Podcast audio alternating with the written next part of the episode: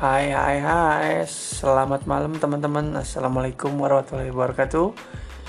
Balik lagi di podcast review film. Masih sama Tony di sini.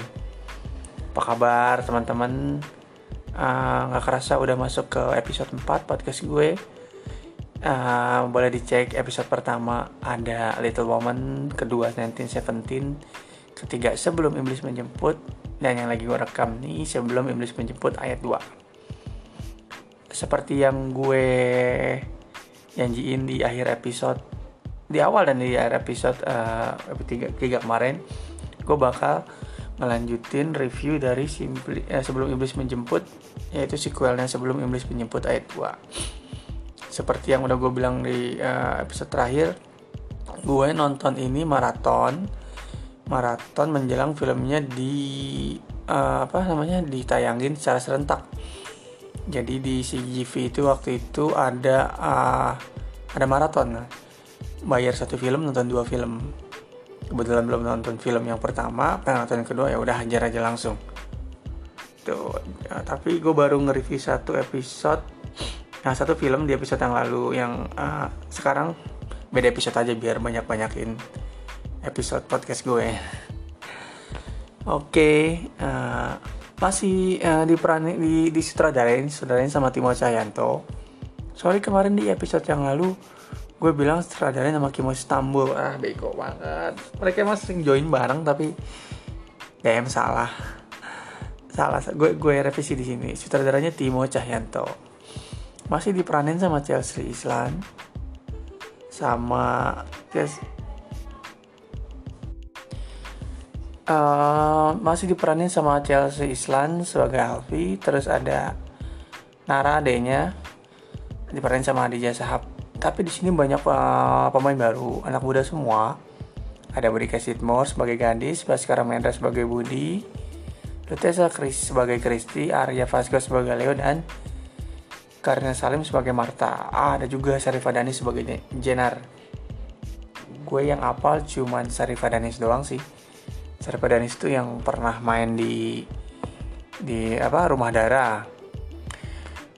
Uh, di di rumah darah yang lo tahu yang mukanya buat gue sih mukanya agak unik gitu.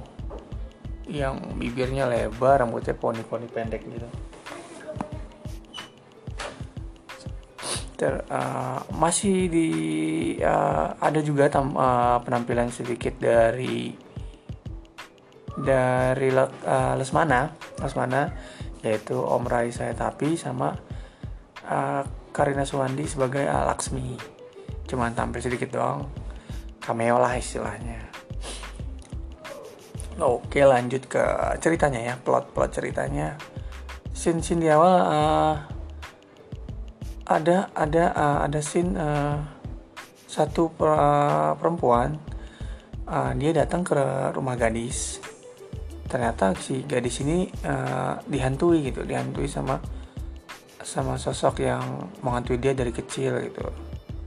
Makanya dia minta ditemenin datanglah temannya gitu. cuman teman-temannya gak ada yang percaya. Anggap kayak gadis tuh kayak ah nggak mungkin nggak mungkin itu itu kan udah lama masa balik lagi gitu.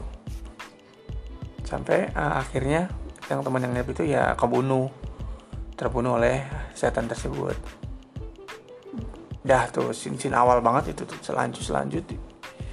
Selanjut ke uh, ke scene berikutnya. Oh ya ini uh, cerita ini latar belakangnya uh, dua tahun setelah kejadian di film pertama gitu.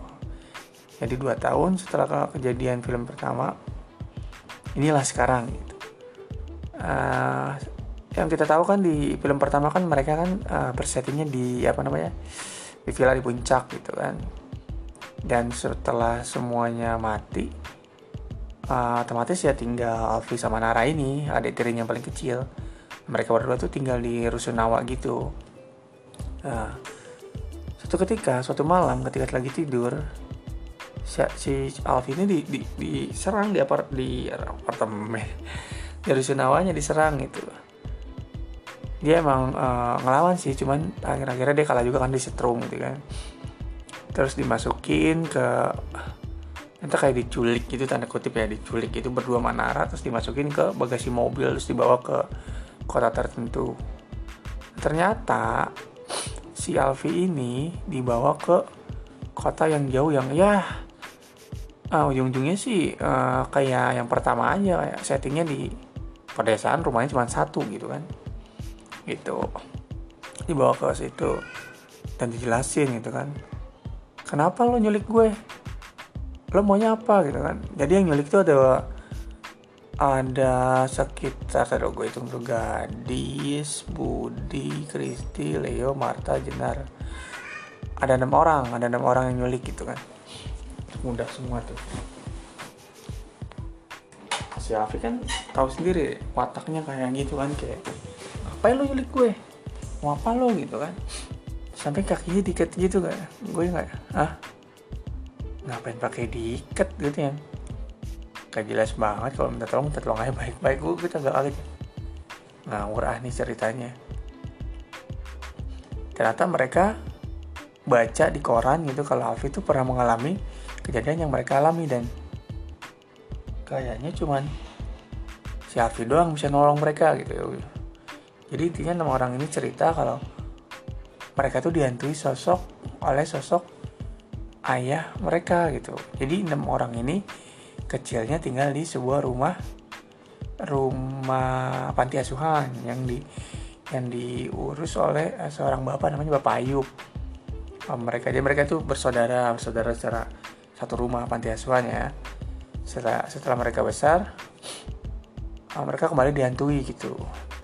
Ternyata ceritanya si bapak Ayub ini nyiksa nyiksa mereka. Waktu kecil mereka tuh sering disiksa sering dikunciin. Kalau nakal dikunciin di dapur ditinggal gitu kan.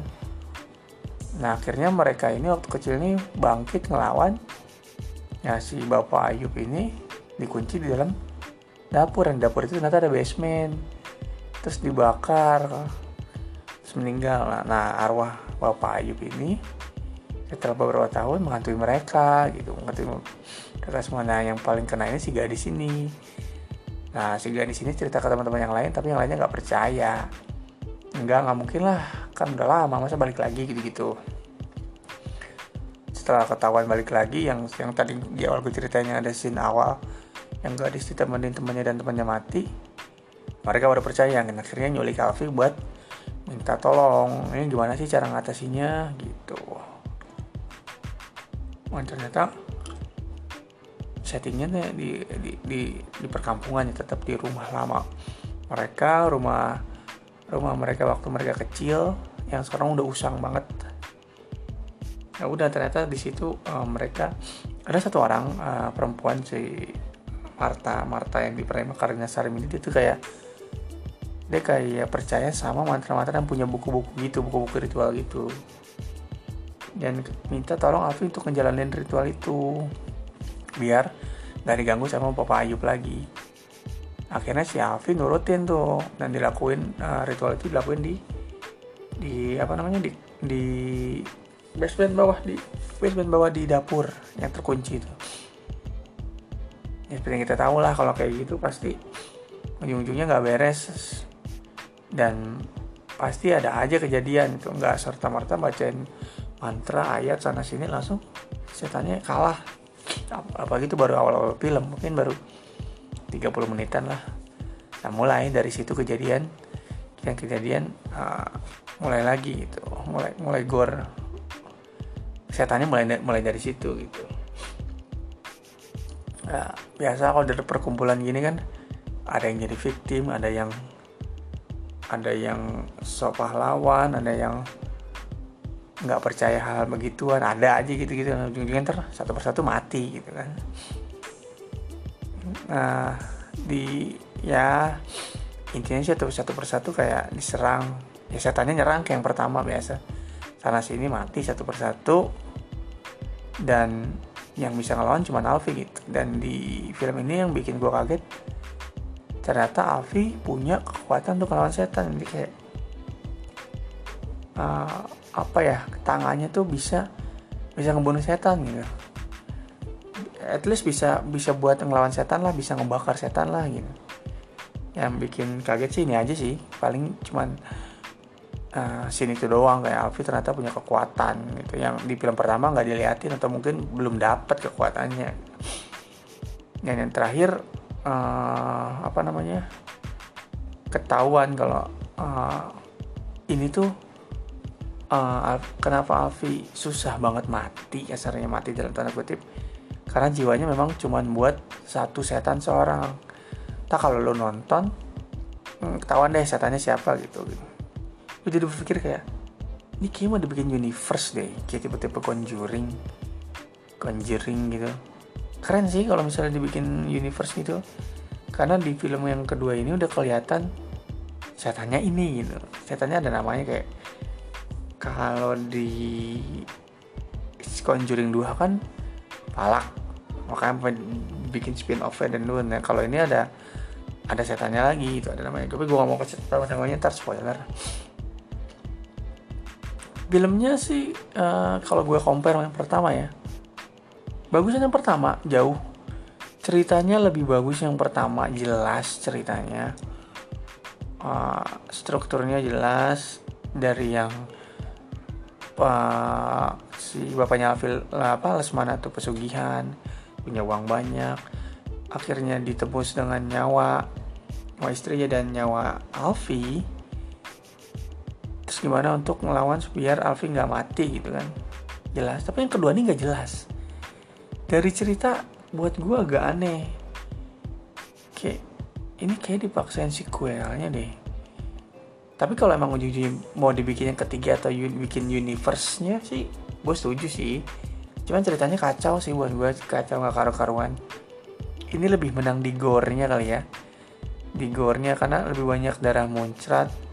Ya khasnya Timo biasa dibanding yang pertama. Karena ini banyak lebih banyak pemerannya jadi otomatis lebih banyak pemerannya lebih banyak yang mati dong. Kalau lebih banyak yang mati kan berarti lebih banyak darah muncrat ke mana-mana kan cuman sayang uh, dari segitu banyak pemain cuman Alfi doang tetap yang bersinar. Iya sih dia pemeran utama tapi yang lain tuh kayak cuma tempelan. Kayak apa ya? Kayak nggak ada kesannya banget. Kayak cuman uh, posisinya gue bikin ah film yang kedua lebih gore. Ceritanya berantakan cakadut gitu. Sorry to say. Kayak si Jenar nih peranin nama Sarifah Danis yang terkenal kan selain Chelsea selain paling Sarifah Danis tapi Sarifah Danis tuh mati duluan gitu. Kayak cuman tempelan cuman sayang banget sih ceritanya kayak gitu. Di scene yang setelah yang pertama tiba ujuk-ujuk si Alfa di diserang di apartemen eh di apartemen. Ah di apartemen mulu. Di ini di rumahnya dia itu di rusunawa gitu diserang.